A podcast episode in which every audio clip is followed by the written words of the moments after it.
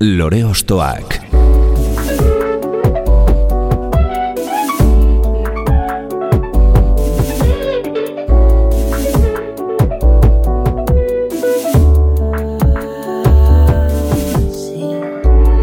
Ekain perezek aurkeztuta, gonbidatu bakoitza lore bat balitz bezala ostokatuko dugu. Jakiteko, zeintzuk diren bere lore ostoak. Haupa, zer moduz, ongi etorri lore ostoakera. Nafarroako hiriburutik, iruinetik datorkigu gure gaurko gonbidatua. 2008an lau abesti osaturiko epe batekin aurkeztu zuten taldea, baino 2006an kaleratutako lehen lan luzearekin eman zuten sekulako aurrera pausua, Abbey Road estudioetan grabatzen izan eta gero. Laurogei eta laurogei eta amarreko amarkadetako indi eta pop rockaren bidea hartu zuten hasieratik ahots reverberazio eta sintetizadore koltsoi sakonez jantzita. Eta horretan jardute oraindik ere 2018an argiaren abiadura diskoarekin eta 2008 batean Paco Lokok produzitutako Arnasa diskoarekin. Utzi dieza egun ba musikari bidea egiten. Hau lore ostoak da, eta gaurko gure lorea Eimar Uberetagoena. Baobabs will destroy your planet.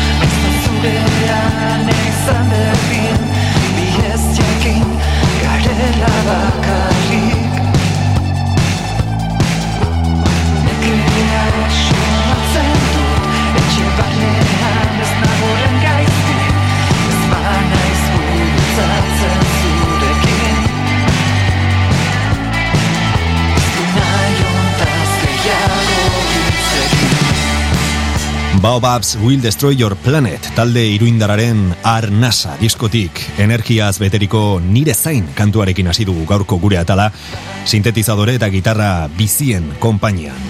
Mila bederatzen da laurogeita bostean jaio zen gure protagonista taldeko abeslari eta gitarra jole den Eimar Uber eta goena eta hemen da gurekin estudioan. Kaixo Eimar, ongitorri? Kaixo gain, eskarrik asko. Arnasa diskoarekin itzuli zarete taldearen hirugarren LPA eta abesti honetan esan bezala energia gaindosi edo lerketa batean e, murgilduta konta iguzu. Nola izan da diskoaren garapena lehen ideiatik e, Paco Lokorekin lan egiteraino? Bueno, kontatu bare pixka bat nola lehen hiru ginen ez, taldeen irukote bezala sortu zen, e, tekliz aldatzen junda, gero ja bigarren diskan, e, bigarren diska grabatuta gero, diska grabatu genuen bikote bezala, enekok eta bilok, bateriak eta bilok, baina gero sartu zian amaia eta beste gitarrista bat, txemi, eta diskonetan ja boskote bezala osatu gea ez, eta, bueno, voltatu da lehenengo teklista, mirentxu, e, Adolfo Baju jolea, eta txemi eneko eta iru jarraitzen dugu. Eta, bueno, oso desberdina izan da komposizio e, garapena ez, e, azkenian leno nekok eta biolan ike genuen, orain da bain melodiak eta, kant, eta letrak bion artean ike baino gero talde bezala osatu dugu jungea jazten, eta azkenian nabaritzen da ez, txemik bere planteamentuak eta bere gauzak hartzen zituen, alfoke bai, mirintxuke bai, eta nik ustet asko azidala taldea bai strukturaldetik, musikalki, eta, bueno, eskertzen dugu ez, eta gero ja erabaki genuen pakoren gana joatea, bueno, irutzen zitzaigulako oso ekoizle aproposa guk e, egin nahi genueneako eta tala izan da ez, berak ere kriston pila aportatu du e, soinu aldetik eta eta bueno, oso gustora nabari da bere ukitua, ez? E, Puerto de Santa Maria araño joan zinaten, ez? Eta izan zineten bere, bere etxean edo bere estudioan e, grabaketak egiten. Nola izan da berarekin lan egitea? Bai, hoi da, azkenean bere etxea estudioa batea da, ez? Eta han aste bete onginan, taldeko bostak. Eta, bueno, er, referente bezala genuen, ekoizle bezala ez, eta talde asko entzun ditugu, e, guretzako referenteak izan diana, bere, beak ekoiztutakoak, eta, bueno, egia esan hasieratikan oso oso ondo moldatu ginean, hizkuntza hori nietzitzen genula musikalki ez, eta, eta oso azkarra rapatu zigun gure estiloa, eta nahi genuna, eta, eta bueno, oso, oso, oso izan da. Dauka, oi, bere izaera berezia, ez, pako loko horra itzei ez eitxe. Noski, zerbait bueno, Los loko zen jotzen zulako, baino Bai, bai, baita bai. ere zeo ze bauke ez hortik, eta baino izaera berezia dauke, baino ez dakit oso lehenengo momentutik oso ondo konektatu dugu, eta eta oso horreixa izan da bekin lan ikia. Mhm. Eta argi izan duten ze, ze soinu izan duten, ez? Epako lokok badu... E, bueno, erreferentzio horiek badituzu ez, soinu e, distortzio punto horrekin eta e, argi izan duten, hori nahi izan dutela, bere gana jontzinetenean, pentsatzen dut. Bai, hoi da. Pasatzen zeguna aurreko diskoetan agian zan entzute genula diskoa garbiegi gero zuzenekoan emate genuna baino. Eta zuzenekoan beti junga distortzio askorekin eta horrela. Eta bueno, paso izan da ez, erabaki genuena ere diskoan ere horrela lan, landu nahi genula. Eta horretik erabaki genuen berarekin jute ere. Beste gauza askon artean. Lan honetan ahotsak orokorrean atzeko planoan edo instrumentazioan eh, hain barneratuta jartzearen ideia zuei otu zitzaizuen edo Pako Lokoren gauza da. Azkenean gut ditugun referenteak musikalak bai dituela askok ez, e, hau sartuta nasketan edo baino gero berari esan genion eta berari utzi genion lanian. E, alde hortatik konfiantza guztia eman genion eta beak emandako emaitza hoi izan da geratu dana. Aha. Salvador izenekoa da Arnasa diskoaren aurrerapen kantua eta bideoa tripulante produzek e, egina da. Mm, hor ere zu zaude atzean, ez? Bai, hoi da, bai, hor lan dut, bai. Ez ara geldik egoten den horietakoa beraz, ez? Ez, bueno, azkenean nire lana hoi da, ez? Bai. Ikusentzunezkotan ibiltzen naiz eta eta bueno, nire guztetxadak ez, pues, aprobetxatu behar una baiteko. Mhm, Zer da, e, ingelesez tripulante produce o ingeles, Ez, produce. Produce, vale, Bai. vale, vale. Baobabs Will Destroy Your Planet e, taldeko Eimar du beretagoena dugu gaur gurean eta iritsi da momentua bere kantu kutxunetan barena bidaiatzeko. Lore Ostoak. Zarekin hasiko gara, Imar, zure Euskal Fonoteka Pertsonaleko zerrenda osatzen. Ba, espaloian kantuarekin ez, ituitzen espaloian kantuarekin. Kasualitatea ere, jaio nintzen urtekoa da, eta Hori da, ez dakit nahita izan den, edo... Ez, ez, ez, ez guztiz, gero da izan dela motibo bat gehiago, azkenean sortzi kantu aukeratu behar dira eta gehiago nituen, et, eta bueno, bai izan dela motibo bat azkenean hori aukeratzeko ez, baino, baino gauza asko gatik ez, itoitz bai melodikoki eta gauza asko aukeratu dut. Mhm. Lauro gehieko amarkadako musika gustuko duzu orokorrean, ez? Bai, bai, larogei, larogei tamar da azkenean gehien entzuten duten musika, no, denetik entzuten dute, orain guare bai, baino agian guri gehien gustatzen eguna eta referente moduan ditugunak gara urtakoak dira, ez. Mhm. Zer da, konkretuki mm, garai hartatik erakartzen zaituena, soinua, estetika, e, komposatzeko modua, Soinua eta e, melodiak ere, nik uste. Melodiak. Bai, melodiak ere. E, estetika ez horren beste, largo. Amarka dauk estetika ez Bai. da gehien gustatzen zaiten. Aro, eta marrekoa igual gehiago, baino. Bai, baino ez dakit nik uste gauza asko garatu ziala sinte aldetik, eta, bueno, justu itoitzen kasuan, espalian kasuan ez, baina beste gauza asko dituzte, ez, e, gitarrak eta nola sonatzen duten, eta be, gustoko ditugu. Mhm. Eta espaloian kantuak, oroitzapen bereziren bat edo ekartzen dizu, edo zergaitik aukeratu duzu konkretuki abesti hau. Ba, gehienak aukeratu dituzen, bueno, bai, bai daude gero itzengo dugu ez, beste batzuk mm horitzapen berezi ditutenak, e, baino itoitzen bat aukeratu barun, eta nik uste nire gogokoena dala ez, melodia gatik eta batez ere. Bai. Mhm. Guazen ba, Juan Carlos Pérez eta konpainiaren eskutik, mila bederatzen da laurogeita bosteko, espaloian kantuarekin, hau da, itoiz. zen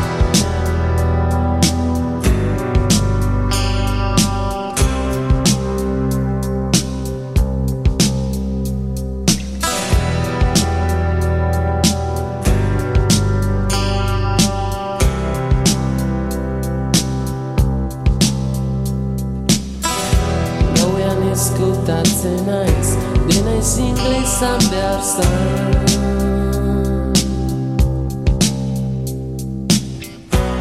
Horrago inoren zai, ireko hartada da.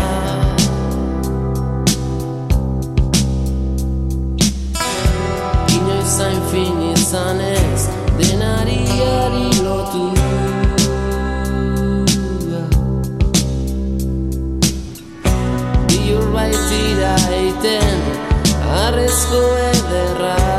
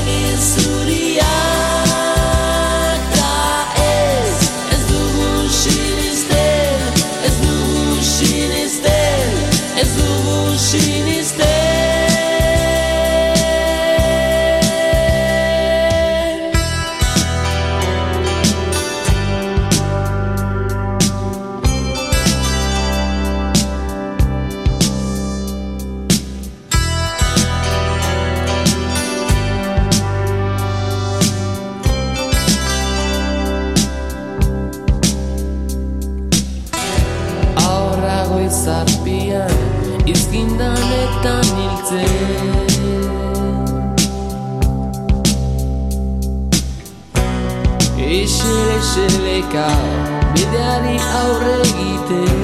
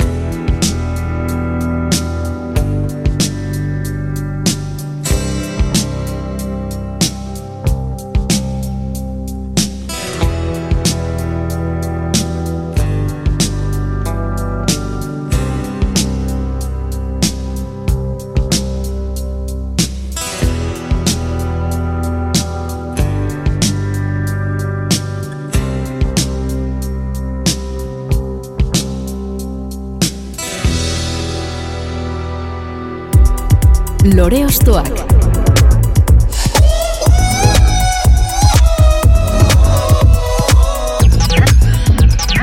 Itoizen magiarekin kendu diogu Eimar Uber eta Goenari bere lehen lore ostoa, espaloia kantuarekin, eta horretan jarraituko dugu, ostoz osto zure memoria edo kantu gustokoak arakatuz, nora goaz orain? Ba, hain etxera ez, ni, bueno, bere zanoetakoa naiz, gero tolosa junitzen bizitzea amabi urtekin, eta deabraktiatuetanen gaur euri egin du kantua. Ez, netzako, ez dakite, garai hartan hasi nintzen uste dut e, musika gehiago entzuten, eta betian nik entzun izan dut, zera nahi nagusigo baket, osa bate bai oso melomanoa dana, eta bereien musika entzun izan dut, baina ja, aukeratzen nik zer gustoko nuen, eta nik uste eta amairu urtekin hasi nintzala, eta eta onduan etxean genitun behabroak ez niretzako ere beti izan dira referente oso nagusia. Mhm. Iturria nondik edana izan duzu beraz, ez? Familian, e, zure inguruan, e, referentzi ezberdinak jasotzeko. Bai, bai, bai, bai. Eta kasu honetan gainera beti garantzi berezia edo bueno, bai, izaten dute em, zure herri edo inguruan sortzen diren talde horiek, ez? Kasu honetan deabroak teiatuetan pentsatzen dut ba e, erreferente izango zirela, han, bueno, baziren, ziur, e, inguru Bai, hartan, bai, bai, bai. Euskal Herri osoan zehar eta claro, zu, zu bertakoa izanik, ba ikutuko zintuen modu berezi batean, ez? Bai, bai, noski, eta gero gaina ube da nahien, bueno, pues, bere jarri bidea ez, bere jarrituet, eta ez da ez dakit beti izan dira referentzian nire bat. Kantu hau, zergaitik? Bueno, nik uste lehenengo enkantxatu zitena izan zala, ez? Gero ja beste guztiak entzun itun, baino, bueno, gara hortan agian gehien entzuten zena zen, eta eta lehenengo, lehenengo horitzapena daukatena talde honetaz, eta lehenengo enkantxatu ninduena hau izan zen. Ubeda nahi ekitatuta Euskal Pop Rockaren eta, bueno, hardcore melodikoaren ikurretako bat da deabruak teiatuetan, eta besti hau, esan bezala, mm, himno moduko bat da eta zen, ez? Entzun bezain laster abesten jartzen zaituen horietakoa. Bai, bai, bai, bai da. Ez da bat arrexea, eta gero beti pentsatzen zu ez, e, abesti simplea, eta azkenen ni gustoko ditut, eh, gustoko ditut alako kantuak, eta engantzatzen zaituenak, eta Poparen magia, ez? bai, hoi da. Hor gainera, bueno, en, zen garaiagatik bai eman zuten pausu bat, pop melodien alde, zuek hainbeste goraipatzen duzuen edo bilatzen duzuen melodia horren atzetik beraz, ez? Bai, hoi da, hemen, bueno, entzuten genu musika estiloa zegoen, ez, e, garai hartan, e, eta jarraitzen duena oraindik. Eta hortikan ateratzen dan guztiak, ez, asko ditzeit beti atentzioa, ze egia da, hemengo musika entzuten dut, baino ziurrenik askoz gehiago entzuten dut kanpoko musika, eta kanpokoak ezagutuz, gero baloratu ditut ere asko hemengo horrelako taldeak, ez, apostu egin dutenak, eta eta gauza ezberdinak eskaini dituztenak euskeraz, eta niretzako deurratietutan oitako bat izan zen. Bai, beste perspektiba batekin ikusten duzuen, bai, ez? da. Euri egin du, mila bedertzeun dela laurogeita amazazpian, zein da zein diskoak argia ikusi zuenetik, eta bertan aurkeztu zuten, kaki arkarazoren laguntzaz kasu honetan, gaur euria egin du, Eimar uberetagoenaren urrengo petaloa. Gaur ez zaitut ikusi. Ez didaztu betu Eta orduak zurekin Bezala eman ditut Gaur maitasunaz eta Eriotza zitzen dugu Ta tximeleta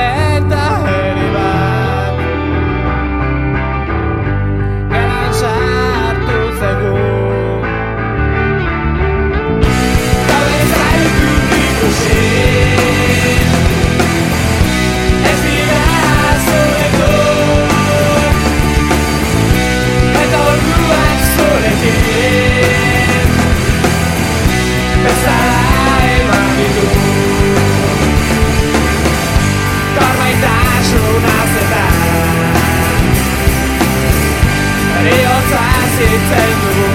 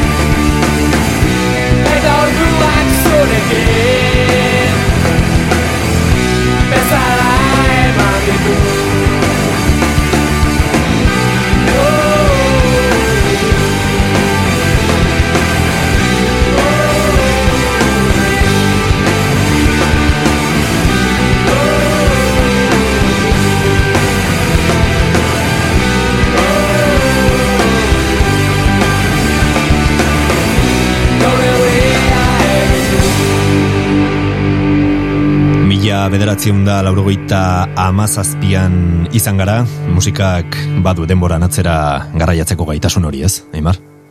Bai, bai, bai. Beti eramaten gaitu ez. Momentu aitara, zen gauzan entzun da beste garai batekoa kokatzen zaitu ere bai ez. Gaur euria egin du abestiarekin, deabroak teiatuetan alde batera utzi dugunaren urte berean, geratuko gara zure eurengo proposamenarekin, mila bederatziun da laurogeita amazazpian. Hoi da, hoi da. Zerekin guaz orain? Ba, kaix baten ez dakit kantuarekin. Amabi urte zen uzkan, ez? Abesti hau argitaratu zenean, e, okerez banago, nola oroitzen duzu? Garai hartako Eimar, nola zinentzu? Ba, nik uste, oi, gitarrarekin eta hasi nintzen, bueno, lehenagotikan jotzen nuen gitarra, baino lehen esan detena, e, nik ikasi nahi nituen kantuak eta aukeratzen garai hartan hasi nintzen, eta ja seilkapen bat egiten ez, nire musika estiloan, edo gustoko nituen musika estiloan, referentzia moduan asko entzuten nituen, orduan, bueno, Nirvana eta estatu batuetako beste talde, hainbat taldez, grunge estilokoak, et- Baina, bueno, gero hemen ere jarraitzen ditun tale batzuk, eta horietako bat, bueno, dabrak esan dut e, orentxe bertan entzun duguna, Bai. eta kaix bat ere, bueno, nik uste dut proposamen berri egiten zula, eta asko ditu zian atentzioa ere e, sorkunek, ez, abeslari bezala. E, ez dakit zergatik, bueno, nik uste dut, eta iruditzen zait, e, emakumeen ahotsak dituzten melodiak desberdinak diala edo iruditzen zait, ez dakit orain ere entzuten ditu The Breeders eta horrelako taldeak, eta beti atentzio ditu izan diate makumeak egiten dituzten melodia desberdinak, ez? Eta, eta hemen, bueno, nik uste sorkuna referente badela denontzako. Desberdintasuna horrelako antzeko beste talde batekin hemengua edo desberdintasuna ematen diola sorkunek berak, ez? Eta besteko moduak, eta eta guztiak, ez dakit den melodia desberdina, e, kantatzeko modu desberdina, ez dakit zehazten, baino beti ditu izan diate Bai, atentzioa. pertsonalitate handiko emakumea da Bai. gainera, eta, bueno, e, estenatokian ze presentzia zuen, e, Eta duen, bai, eta bai, duen, bai, noski bai, baietz. Bai, bai, Mhm. Errenterian mila bederatziun da maikean sortu zen kax bat taldea eta esan bezala sorkunen ahots eta melodiek pertsonalitate eta dimentsio berezi hori emateaz gain, ba, emakumearen irudia rokaren estena eta taula gainean errebindikatu eta defendatu zuten hainbat eta hainbat e, kontzertutan, ze gaur egun asko dira, taula gainean ikusten ditugun emakumeak, orain azken boladan gainera sekulako estanda egonda, ez? Onerako noski, e, neska asko ikusten ditugu taula gainean, baino gara hartan ezen hain oikoa, eta sorkun bai izan zen, ba, referente moduko bat, ez? Bai, hoi da, e, zarrenda gitarako garaian ez, ikusten nola ze bertakoak, gero kanpokoak gehien entzun ditut, baina bertakoak ze emakume referente gutxi nituen musika munduan, ez? Eta, Etza, hau bat da eta ez di askoz gehiago hemen. Horrekin, bueno, kontzertu bat partekatzeko aukera izan genuen. Ah, bai. Eta, eta, bai, jarritu izan dugu, bai. Aha. Negu horriak eta Fermin Muguruzaren alboan ere ibili zen, eta noski bere bakarkako ibilbidea ere jorratu zuen, esan bezala sorkun rubiok. Baina gaur kax badekin hartuko dugu, bere lehen proiektuarekin, mila bederatziun da larugoita amazazpiko distantzia diskoan aurkeztutako, ez dakit kantuarekin.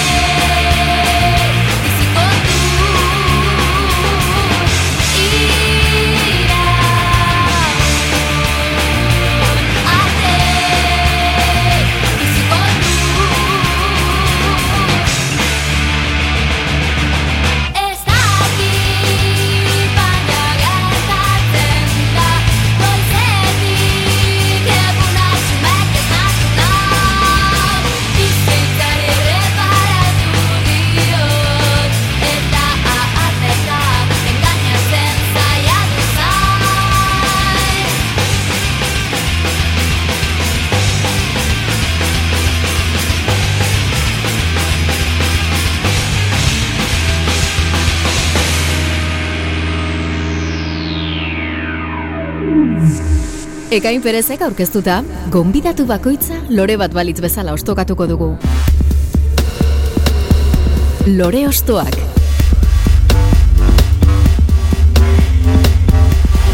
Sorkunen ahotsa bereskuratu dugu cash bat taldearekin laurogeita amareko amarkadan bete-betean sartuta gabiltza Baobabs Will Destroy Your Planet taldeko Eimart Uberetagoenaren zirrikitu musikaletan barrena eta horretan jarraituko dugu. Ba, horrengoa aukeratuetena izan da neugorriaken matxinatu baltza, neugorriakena, bueno, kantu hau berez, dekla taldearena da, melodia, eta horregatik aukeratu dut ez, azkenean biak elkartzen, bi munduak ez, niretzako kanpoko musika eta bertako musika elkartzen dituen puntu bat izan zan salamagur diska osoa, ze, oi, bueno, oso estilo desberdinak entzuten ditut eta gustatzen zait eta eta hemen asko elkartzen zituen ez, baina horietakoa niretzako The Clash, London Calling, Calling bezalako diskuak eta bueno, niretzako dira imprescindibles ez. Gustuko duzu den cash, bai, bai. argi da. Eta kasu honetan e, hau, ni gaztean itzan, indikan ez nun The Clash entzu, e, entzuten. Ez nun, ezagutzen nun existiten zela, eta baino ez nun entzuten. Eta eta atentzia ditu ziten salamagurren diskuan kantu honek, eta esan zen. Nondik dator, bai, nondik edo? dator, ez, banekin denak ziala kantu guztiak ziala bertsioak eta horrela, eta, bueno, investigatze pixka bat atzean, eta hortikan aurrea ere nik uste dut ezagutu nola The Clash, taldia, eta, eta gauza gehiago hortik. Eta gero bestalde, ba, neugorriak, bai, e, hemen betian nik entzun izan du dugu, bai, adibidez, lehen komentatu eta nahi nagusi badakatela, berak entzuten zuen, beti ba, kortatutik, e, neugorriak, e, azkeneko kontzertuan izateko aukera izan nuen, eta, eta bueno, bai, beti jarraitu dut, ez, Ferminen batzutan gehiago guztuko gauza gehiago itxen, beste batzuk igual ez horren beste, baina beti jarraitu izan dut bere, bere bilbidea, eta eta hau, niretzako pixkat erkartzen delako oi, kanpoko musika eta hemengo musika biak batea. Mhm. Salamagurren azalean bertan, uste dut, orain buruz ari naize, baino jartzen duela e, gure soinu bandaren, e, bizitzako soinu bandaren kantak, edo bueno, horrelako zerbait ez, hemen egiten dugun ariketa moduko bat, beste e, modu batean, baino bai balio izan zuela, ba, euskerazko abesti edo bertsio hauekin e, beste talde batzuk ezagutzeko, ez? Bai, hoi da, nei ba, interesatzen zait asko, eh? Hemengo taldeak eta entzuten dituenean, zintzuk dia bereien referentziak eta ze musika entzuten duten, ez? Eta, claro, e, Fermin Muguruzaren kasuan nahiko nabarmenak izan zian beraien, bere estiloak eta horrela, bere referentziak eta egiten zuen estiloko musika.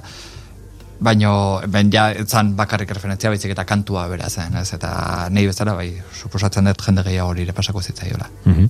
Kas badekin, edo konkretuki sorkunekin aipatu ditugu Fermin eta Negu Gorriakan ere, e, bueno, hauekin ere ibili baizen sorkun eta ezin zenuen hobeto lotu, orain neguren matxinatu balsa kantua ekarrita, urte bat atzera egin dugu, lehen laurogeita amazazpian ginen, orain laurogeita amaseiraino jota.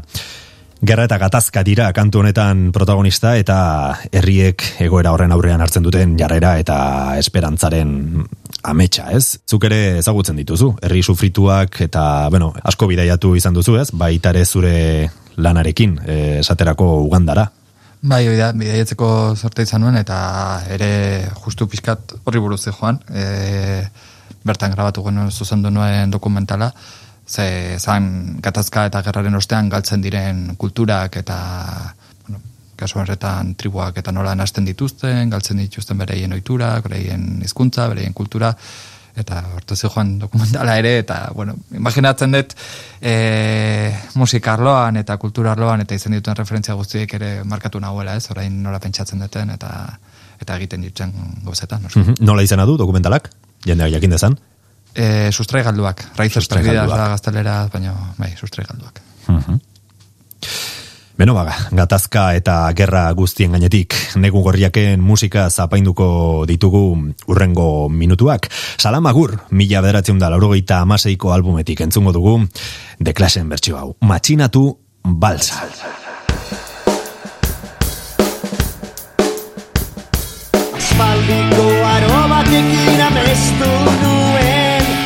Matxinatu armada zerua dantzatzen. Kampamentuko zuak ikus nitzaken Zugarren artean gura kantaka zen. Zeruan matxinatu balza dantzatzen. Neskarekin balza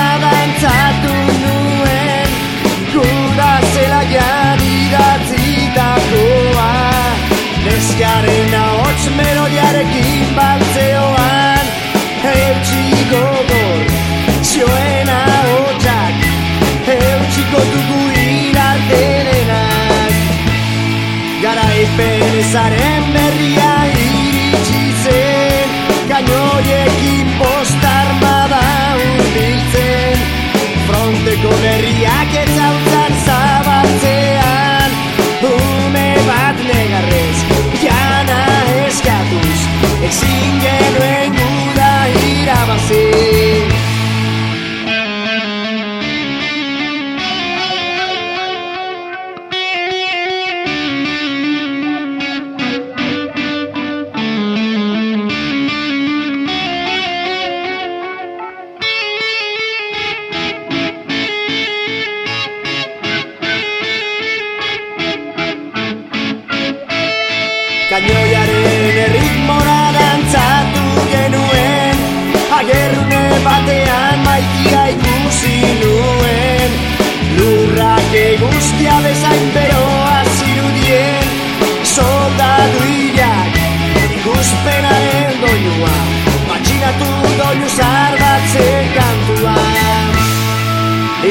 Itxaropenak guda zelaitik urruntzean Begirada ilargia tarbolen artean.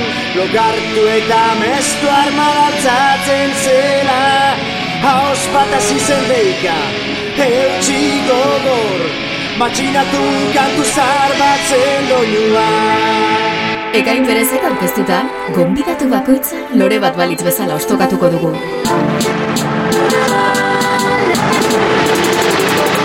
Lore ostoak.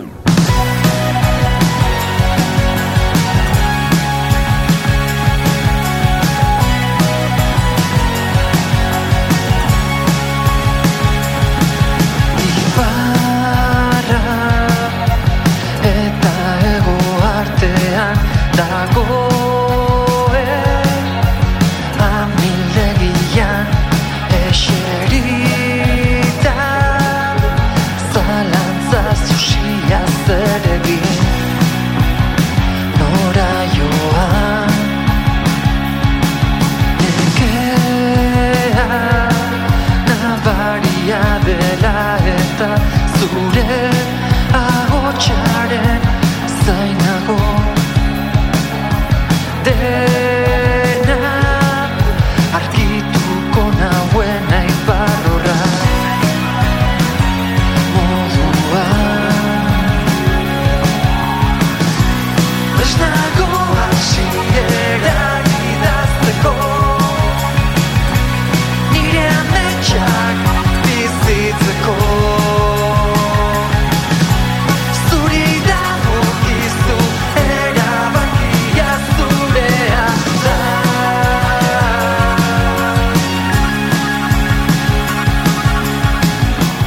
Denboran atzera bidaiatzea gustuko eta beharrezko dugu ariketa honetan, eta argiaren abiaduran bidaiatu dugu oraingoan, horrela izena baitu Baobabs Will Destroy Your Planeten 2000 eta emezortziko lanak.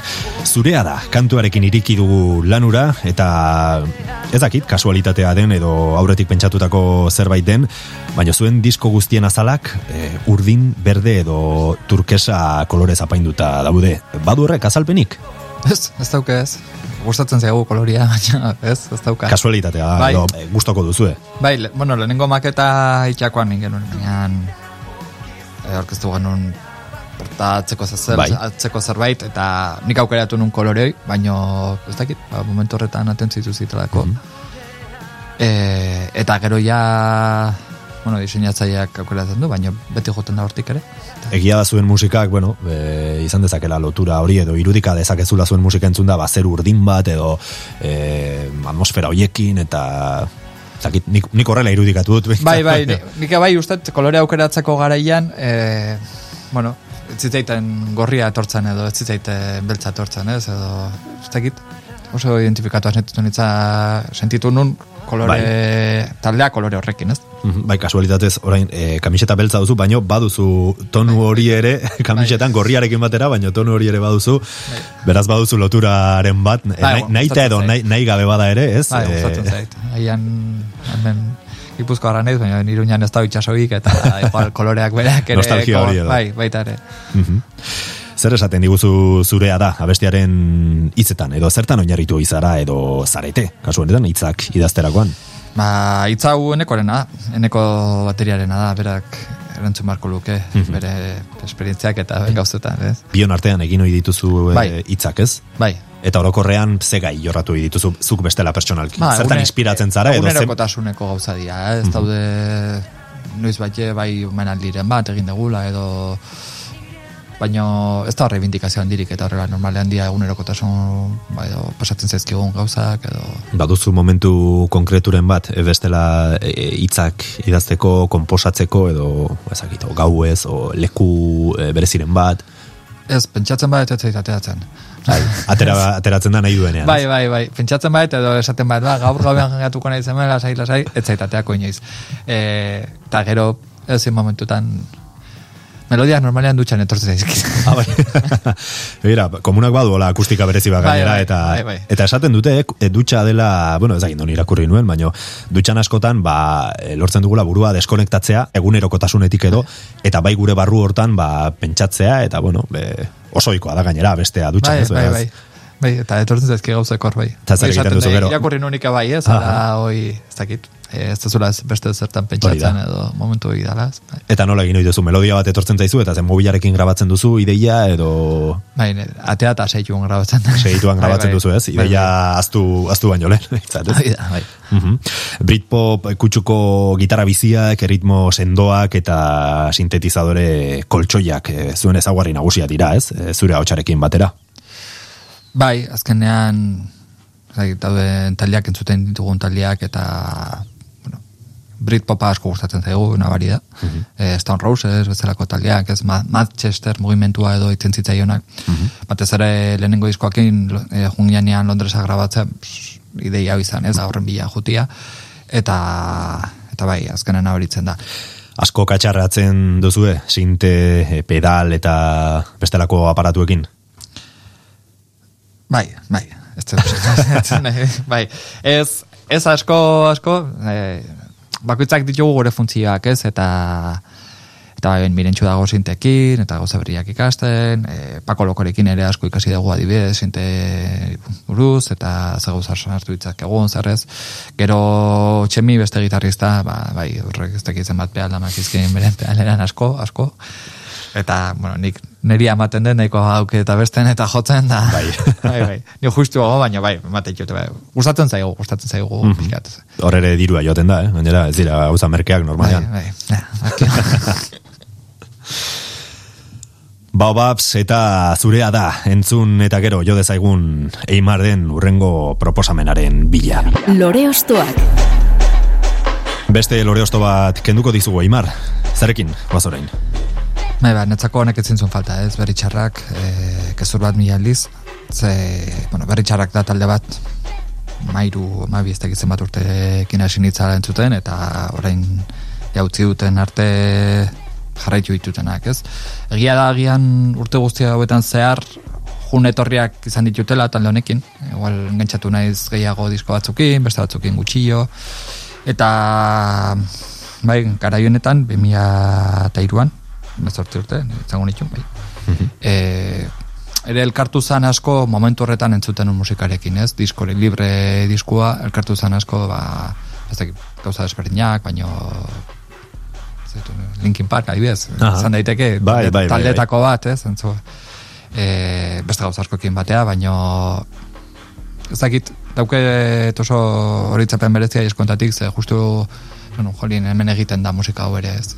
Kontestu horretan harrapatu zintuen zuri e, Bai. gertutik ez, nolabait? Bai. Lotura bat egin zenuen berritxarrakin diskonekin. Bai, hori da. Gezur bat mila aldiz errepikatzeak ez luke egia bilakatu behar, baino zoritxarrez askotan ikusi dugu egoera hori, ezta? Gorkak esaten digun bezala. Hori da, bai.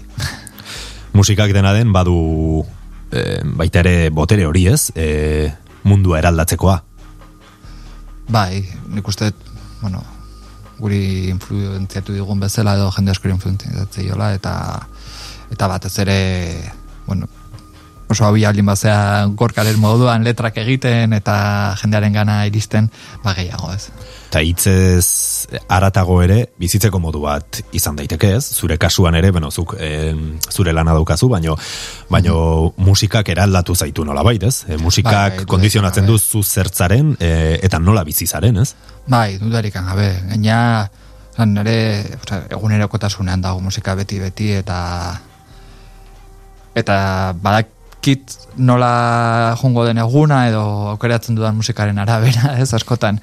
E, goratzen naiz pelikula batean lanean, koinziditu nola estatu batuetako argazki zuzendari batekin, eta musika aldetik eta asko koinzitze genuen, eta juinan Italiara pelikula bat grabatzea, eta goizetan jartze genuen musika, eta aukeratzen genuen musikaren arabera bagenekin gero eguna nola jungo zan, ez? Eta uste, hoi beti pasa izan zaitela. E, aukeratzen dudan musikaren arabera, badakit gutxi gora bera nola jungo dan dana. Soinu banda jartzen diozu zure, Bai, zure bai. egunari, ez? Bai, hoi da. Eta zergaitik esango zenuke egiten duzulazuk musika? Zein da arrazoi nagusia? beharraren gatik edo ateratzen zaitelako, ez? Ez, da, ez dakit, ez dut inoiz pentsatu, zergatik, zergatik. Bai, betidanik eh, gitarra jotzen sei zazpi urtekin hasiko nitzan, orduan betidanik izan dut instrumentu bat eskuetan, eta besteenak reproduzitzeaz gain, edo beste kantuak jotzeaz gain, beti gustatu zaite bai, ez? Probatzea, gauza berriak egitea, eta nei ateratze zaitena, bueno, edo sentitzen detena adiraztea ez, musika bitartez. Mhm. Ba, musikaz Euskal Herrian hitz egin da berri txarrak entzungo dugu beste behin. Oraingoan 2003ko libre diskotik hartuko dugu gezur bat mila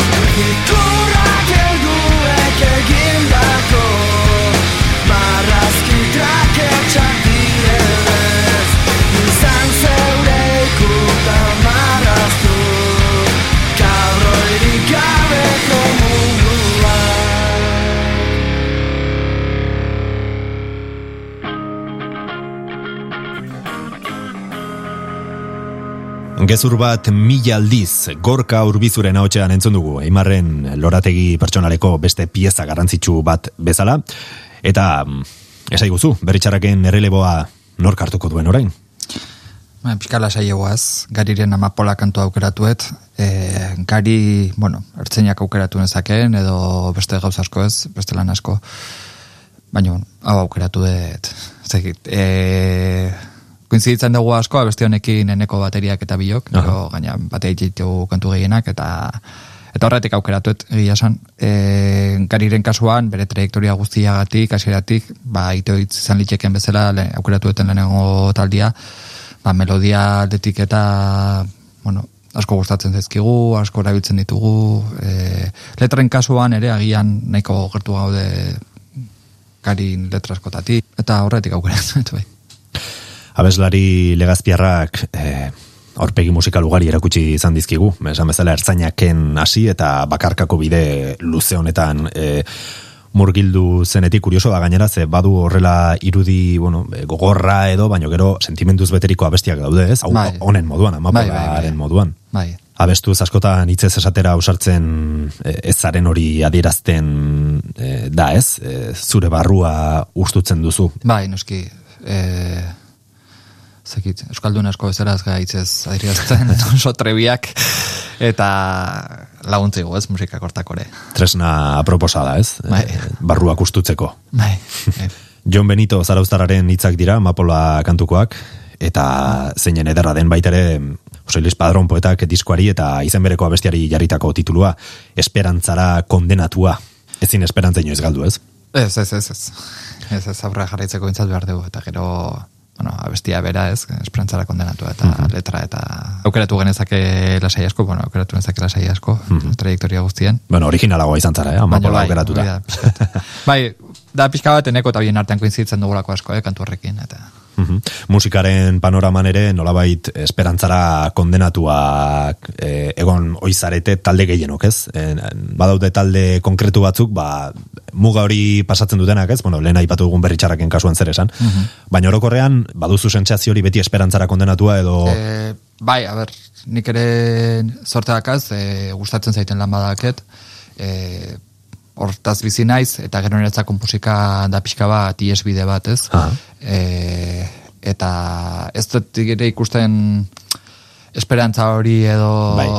ikusten dut iesbide bat eta disfrutatzeko modu bat bezala, ez? Orduan, bai, kondenatua edo esperantza eta hori dia beste hitz batzuk agian beste askori hobe etorko etorriko litzaiokenak, ez? Bai. Baina- Bai, azkenean, bueno, eh, nolabait privilegiatua edo zara, ze musika egiten duzu eh, guztiz aske, ez? Eh, ez duzu Bai, lotura hori edo ez, ez, ezin duela edo zeinek izan. Ze askorentzat ogibide bat da, edo bueno, ogibide bat izateko bide horretan daude eta Hmm. eta egora ez da, ez?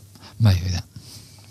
Lore artean ibiliko gara bera, zurrengo lore osto honetan ere, gariren esperantzara kondenatua 2007ko diskoko amapola abestia ekarri baitigu, eimarrek. Agartzen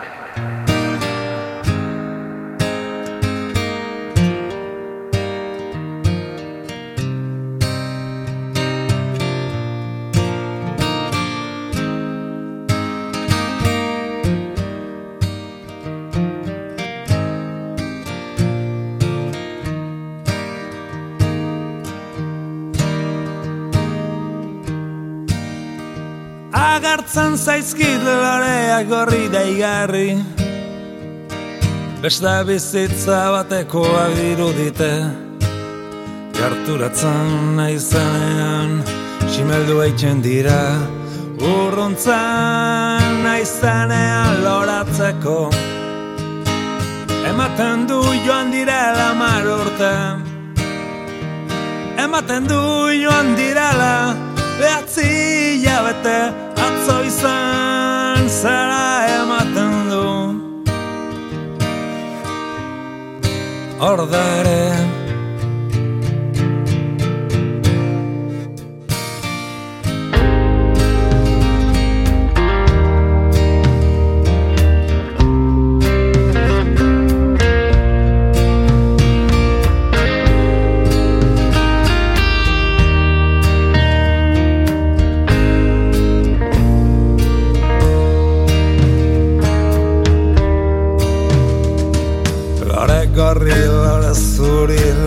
ere Esartu kolore Putzuko nenufare Bihar lehoratzo zutan Gaur bare Lore guztiak nire baitan dara Zaldiak ikusten ditut Nire eraietan bazkatzen Zeruetatik ta infernuetatik Irakamilaietara Eramango nauten Zaldiak dira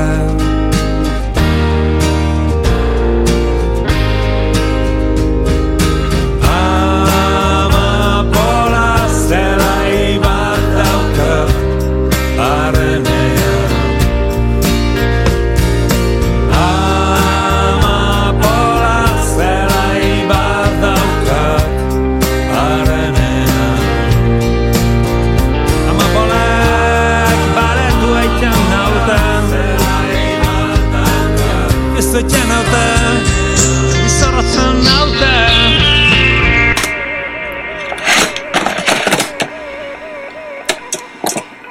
Lore Ostoak.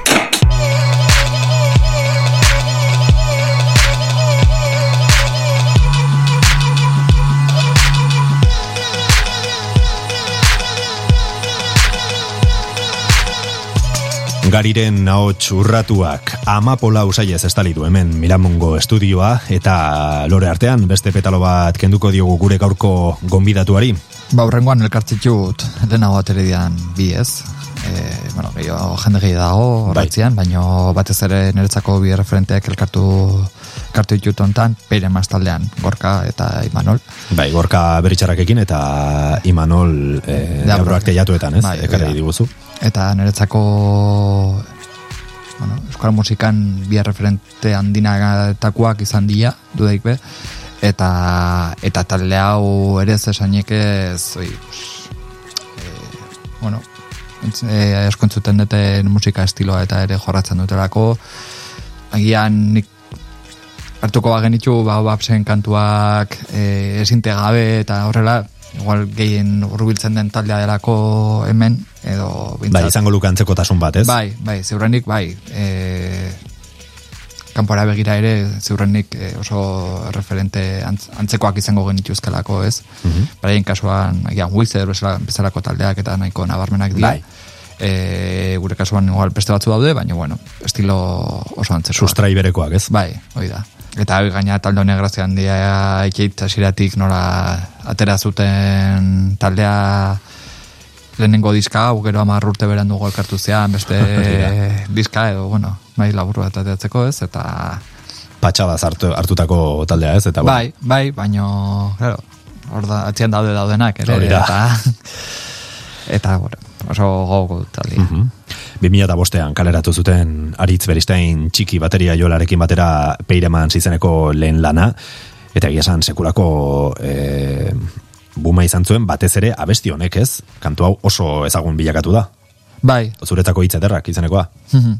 Kurioso da gaina duela urte batzuk peireman zen itzulera gauzatu zen, e, zuzeneko batzuk emanez, eta Imanolu beda bera kontatu zigun, ITV podcasten entzun dezakezuen beste atal batean, nola aluzinatzen zuen, e, kontzertuetan jendea guztiz oldartuta eta motivatuta ikustean, e, hau da, urten poderioz peireman zen mito handitzen joan zela, ez? Eta kantuak beste dimentsio bat hartu zuten, ziurrenik berritxarraken gorakada meteorikoaren e, paraleloan.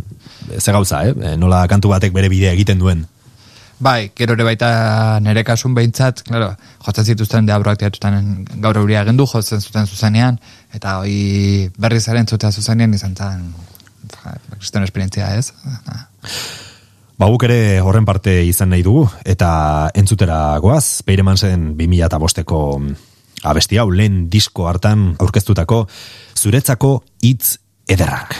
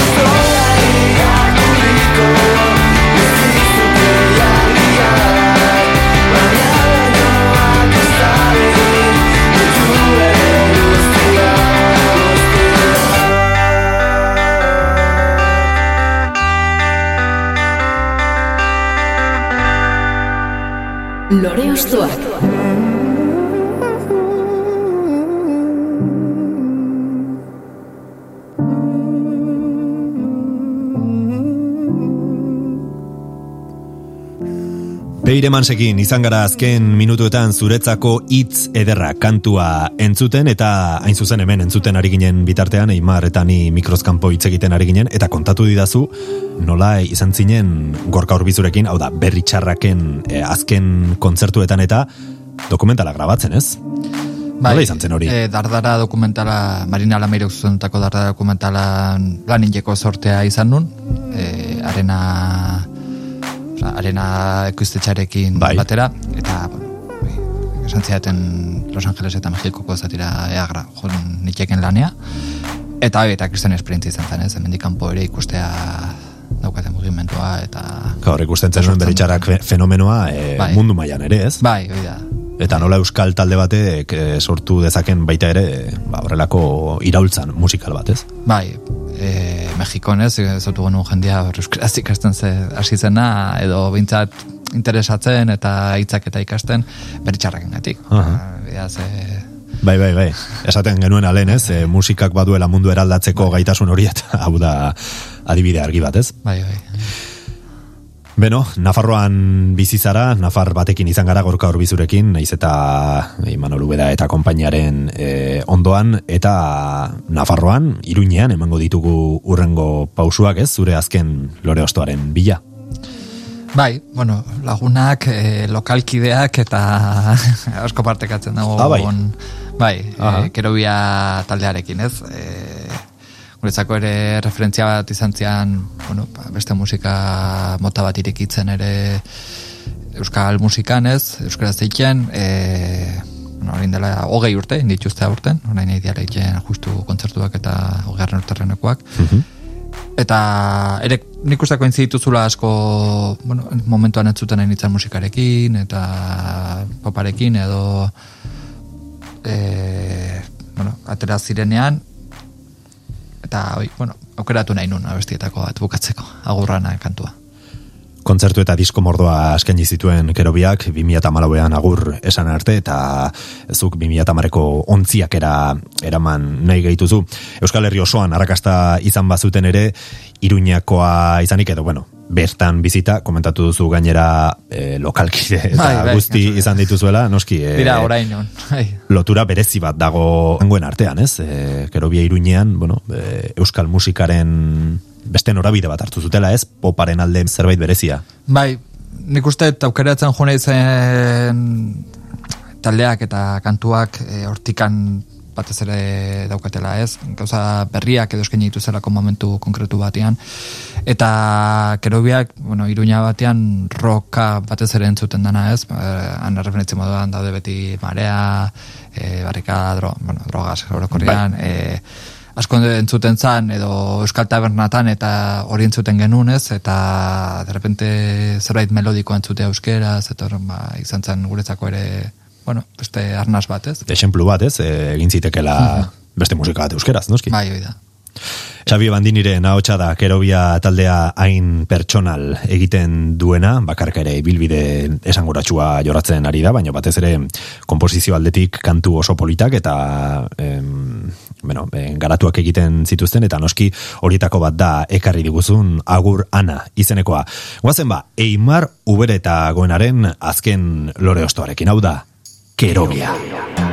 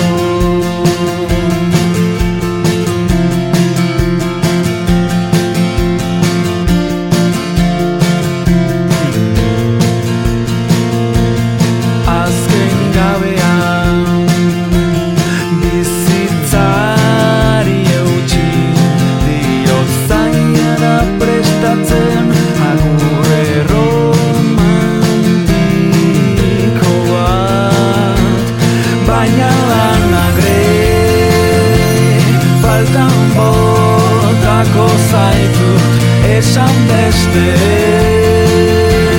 Saia hobeak izaten gaurko egunean.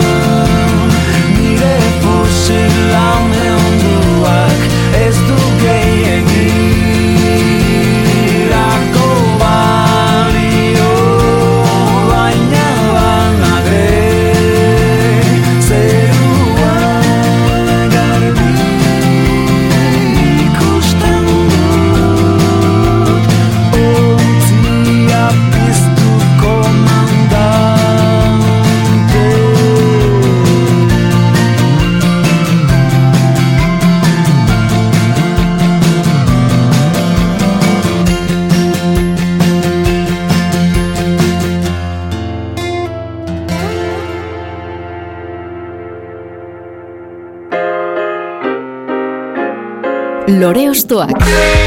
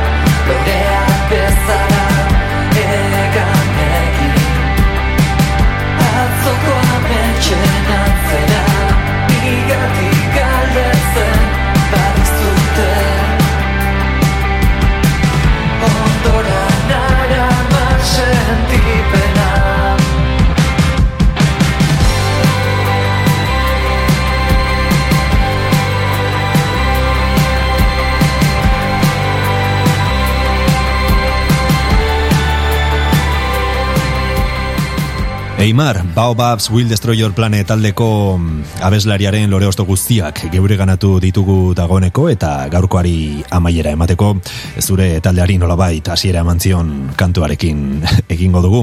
Gehieno kantu honekin ezagutu genizuelako. Zer suposatzen du zuretzako abestionek? Zer sortarazten dizu berriro entzuteak? Ba, horitzapenak ez, horitzapenak eta bizi izan genuen esperientzia grabatzen alde batetik, e, gero, bueno, guretzako ere izan zen lehenengo aldiz gure taldea entzutea leku askotan ez, abesti honekin, mugitu araztea jotzeko, eta ez dakit, bueno, hasiera ez, hasiera, taldea bezala bintzat. Beti berezia dira gainera Bai. hasierak, ez? E, dena berria da, esaten duzuna, lehen aldiz entzutea zure musika adibidez irrati batean, lehen kontzertuak, nervio haiek, ez? E, nola bizi zenuten adibidez, e, estenatoki gainean jende aurrean jartze hori eta Ba, ez genuen espero, baina nahiko harrera ona izan genuen, batez ere, bueno, iruña ingurunez eta ezagunekin eta horrela, baina ez genuen espero. Aski izan, gea talde bat, hasi sortu zela bueno, erabaki genuen, e, talde egitea eta hilabete batean jaginen ganuzkan laukantuko maketa hori. Eta trajektoria bea izan da pixkat nahiko pentsatu gabe egin izan ditugu gauzak, ez? Ba, oain, ba, oain, oazen grabatzea, oazen egitea, eta eta beti azkenengo izango balitzu zela, hoi izan zen erabakietako bat, lehenengo diskoa jotea grabatzea Laundersa, ez? E, esatzen zuen, lehenengoan egiten bazu, bigarrengoan zeskeni bazu. Eske ez dakigu bigarrengoan Ja. ja. da, no, orduan, goazen aprobetxatzea oain aldegula, eta... denbora eta daukagula, aukera daukagula eta Bai, eta bizkat gure filosofia bida, ez? E, oain, oain guak, goazen ikia, aurrea, eta... Eta hoi, eta bueno, hasiera hau izan zen, bai. Mhm. Abbey Road estudioetan izan zineten, e, grabatzen esan bezala pentsatzen dut esperientzia ikaragarria izango zela, ez? E, musikaren templu hartan egon eta bertan grabatzea. Bai, egia da ere egun batean grabatu genuen. Claro, bai. e, bueno, pues, disfrutatu genuen, agian gehiago disfrutatzen duzu bueltatzen zeanean, ez? Ja. Horitzen zeanean un egontzean, edo bizipen guztiak berriz ere etortzen zaizkizunean burua, eta orduan kontuatzen zara egin dezunaz, edo... Baian, momentu hartan zaude kontzentratuta presio Bai. puntu horrekin ez, eta Bai, agian ez bai, duzu disfrutatzen ez dare beste guztiaz, ez? Ba, estudioa, e, hor dagoen magia, ez? Edo, Bai, edo zer zoaz. gertatu den estudio hoietan, ez? Hoi da, zoaz eta seitun esaten dizu zer grabatu den hor, edo teknikaria ze taldekin egon den, zure grabatzen edan teknikaria, eta bai dago presio, nik bintzan nabaritu nun, ez, nahiko presio, Noski. ez berein aldetik, eh? Bai. norberak sortutakoa gehiago, ez esatezu, jo, e, behartuta bezala zerbait desentea egitea, edo Baina, bueno, egia teknikariarekin ere osan ondo moldatu guinala, segitu nik uste zenun disfrutatzen musikaz, eta eta guk egiten, bo, gu egiten nahi ginean ez, eta eta bueno, lasaitu ginean, baina egia da, bueno, zi horrekin sartzen zehala, e, egun batean ere disko bat ateatzeko helburuarekin ez, eta, eta bueno, juntzan, juntzian gauza juntzian bezala, oso oso azkar, e, pentsatzeko denborari gabe, eta eta gerora horitzen zea eta disfrutatzen duzu gehiago. Ez. Mhm, Baina, bueno, emaitza borobila lortu zenuten, eh? kontuan izan ta gainera egun batean egindako lana zela, ba, zer esan, zer esanik ez. Bai, aurreko egunetako lan handia izan genuen, eh, bai, hartu genuen aste oso bat jai iruok, geundena orduan darina eneko eta ni, eta egunean sei orduko entsaibak eta egiten. Dena ondo Eta, prestatu eramateko, bai, ez? Iruak batea jo, gero hau grabatu, e, arregloren bat grabatu, horiek egiteko. Ez dakit, bueno, hain denborarekin beti pentsatzen duzu ez gauza batzuk egin desberdina ingo zen. Bai. Dula, edo, hori betikoa da, imaginatzen dut, denok bakoitzai atatzi jo punta ez, eta eta, bueno, oro bilara ez dakit agian norengo kantuak hobeak dira, edo hori pentsatzen dugu, baina momentu hortakoa izan zen, e, nahi izan genuna egin genuen, e, posibilitate horrekin, eta eta horgatzen da. Ez. Noski. Bai, eta evoluzio edo aldaketa batzuk nabariak dira ez zuen musikan, baino soinu edo izaerari behinik behin fidel jarraitzen diozu oraindik ez? Bai, bai, e, grazia egiten digu ez, esaten digutenean lagunek eta horrela zerbait entzuten dute, ba, bai, e, ba, oaps da, ez, ez Aha. daki, ez daki igual batzutan abesti konkretu bat esate bai, agian honek e, gogorarazten digu beste talde bat, baina, Bai. baina orokorrean zure soinua ezagutzen dutenean eta eta nortasunari lortzen duzunean ere ba, guretzako izan da, ez dakit, e, neko esan ez? Mhm, Noski bai ez bai identifikatzea eta Bai. entzutean eta baoaps dela konturatze hori, ba, Bai. bueno, polita da, ez? Eta, Bai, eta bai, ez da bai. erreza ez dare hori lortzea, beraz, Ez dakit, bai, bai. badago lan bai. bat hor.